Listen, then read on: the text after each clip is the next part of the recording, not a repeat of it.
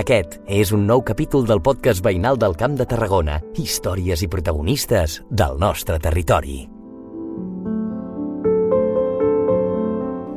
Gent gran, el xivarri de l'experiència, de la història, dels que ens van protegir i estimar, però malauradament també de la soledat, l'oblit i de l'abandó. Aquesta setmana al podcast de Veïns volem conèixer a una protagonista que dedica precisament el seu dia a dia a la cura i l'envelliment actiu de la gent gran.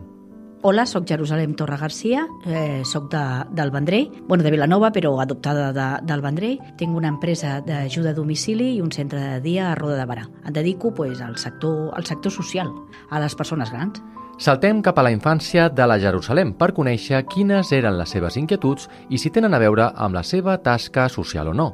pues mira, és, és bastant contradictori. Jo quan era petita estava bastant sonadeta i jo crec que m'agradava molt el que és el temps. Volia ser cantant, Eh, i no sabia cantar, eh? Però mira, feia gràcia, volia ser cantant. Saps aquella època de... Bueno, jo tinc 50 anys, aquella època del superpop. Jo era d'aquelles que tenia les carpetes amb els cantants, era una fan de Leif Garrett, de l'Elvis Presley, i a mi m'agradava cantar. Això em va durar uns anys, gràcies a Déu, eh? Després ja m'agradava molt l'educació, i després vaig fer un salt, vaig començar amb turisme. Jo, la meva il·lusió era el guia ruta amb els autobusos, em feia molta gràcia anar amb els autobusos i anar explicant el que veiem. El que passa que vaig estar a Londres uns mesos per aprendre a, a l'anglès. El que passa que quan vaig començar a fer aquestes rutes em marejava ostres, que malament em posava. No era l'època encara del biodoramina i em posava malalta. I vaig decidir que dic, això ho aparco, ho aparco. Amb desitjos de ser cantant i fent de guia turística marejada després, la Jerusalem confessa que tampoc era massa bona estudiant i era un tant entremaliada. No, no, no era gaire bon estudiant i a part tenia fama de, de, ser molt, de, de xerrar molt. A mi em deien les monges Torra Cotorra. Jo em dic de cognom Torra i em deien Terra Cotorra. I jo era d'aquelles les que feia el forat a la part del darrere. Com que parlava molt, em tiraven cap enrere. Però sempre he sigut molt d'apuntar-me molt a les coses, de fer moltes coses. Sempre tenia un sentit de l'humor, però estudiar no m'agradava gaire. Les monges em tenien una miqueta amargada. Però al final vaig començar amb això, amb un mòdul de, de guia ruta de turisme, el que passa que quan això que te trobes amb una parella i comences a fer via de parella, tot això, i vens cap al Vendrell, em va canviar la vida per complet, però per complet. Em pregunto, doncs, en quin moment descobreix la nostra protagonista el seu afany per ajudar i dedicar-se als altres?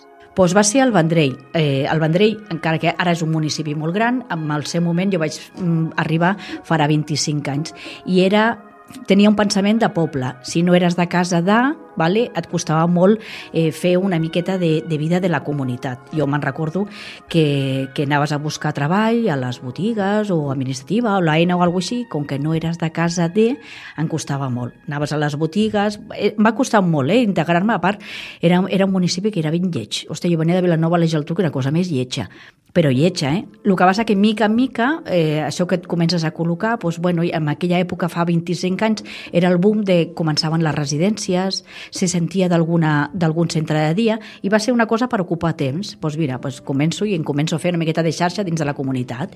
I em vaig apuntar i vaig començar a estudiar el que és auxiliar de clínica.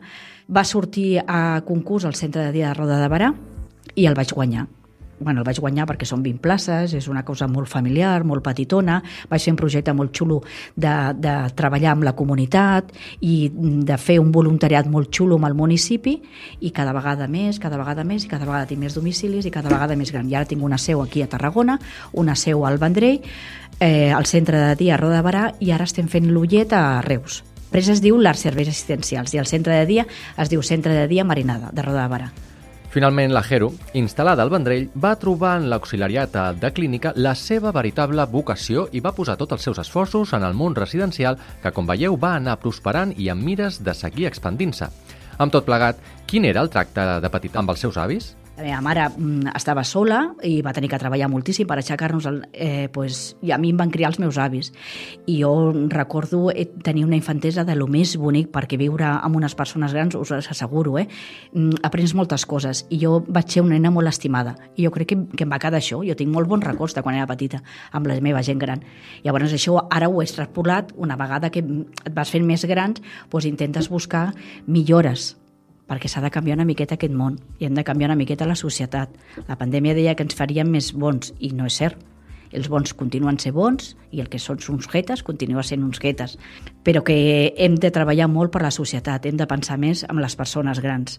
Cada vegada jo trobo més mancances, més problemes. Intento eh, combinar instituts, universitats, jo trobo que és un valor molt afegit que nosaltres treballem amb la gent gran, amb les relacions intergeneracionals en diferents edats. És un valor afegit dins la societat i ho tenim que seguir treballant. La importància d'inculcar el respecte, l'atenció, l'estima i consideració per la gent gran a aquells que ens van protegir i una data a la que al final tots hi arribarem, especialment amb els joves, les noves generacions. El centre de dia venen de, de l'Escola de Salvador Espriu, de l'Escola del Cucurull, eh, treballem molt amb l'Institut Andreu Undín, treballem amb el, amb el CEP, que és, un, eh, és, una, és una empresa privada que fan formacions, i nosaltres ho notem, o sigui, hi ha valors, però què passa ara? Les, les famílies cada vegada són més petites, són monoparentals. Ve molta immigració, aquesta immigració no té aquesta figura de la persona gran.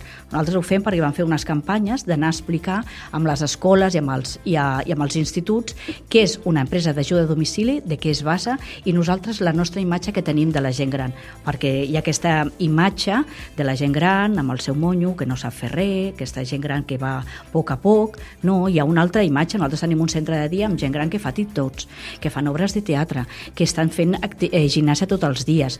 I hem de trencar una miqueta aquests estereotips, perquè aquesta, eh, la figura de la gent gran cada vegada eh, no existeix en aquestes famílies d'ara.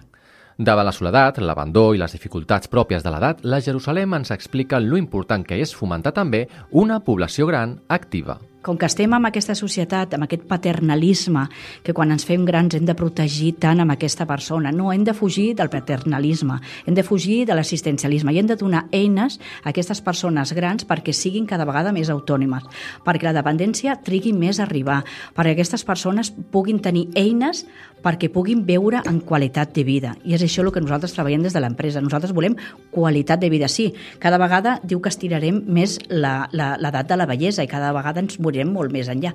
Doncs hem de donar eines, perquè aquesta edat, si cada vegada tenim aquests anys, no serveixen de res si no tenen qualitat de vida.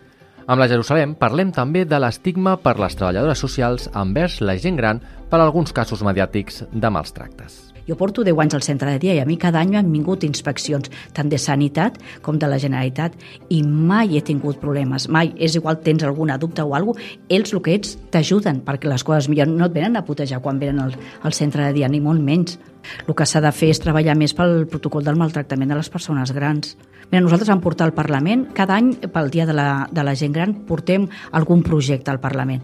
Que arribi o no arribi, on te digui que arriba, és... Però bueno, jo sóc d'aquelles que sóc com els curcons.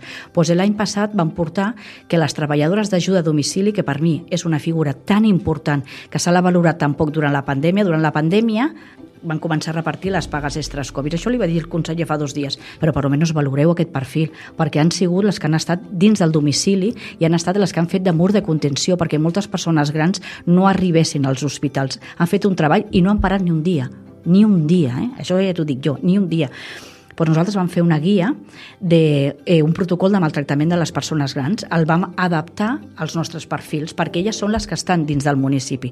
S'ha pujat un 20% el maltractament de la dona gran aquest perfil, que és lo que me ha tocado vivir y mi marido me llega pegando 40 años i és el que m'ha tocat ja tragar perquè jo no vull passar el relleu als meus fills.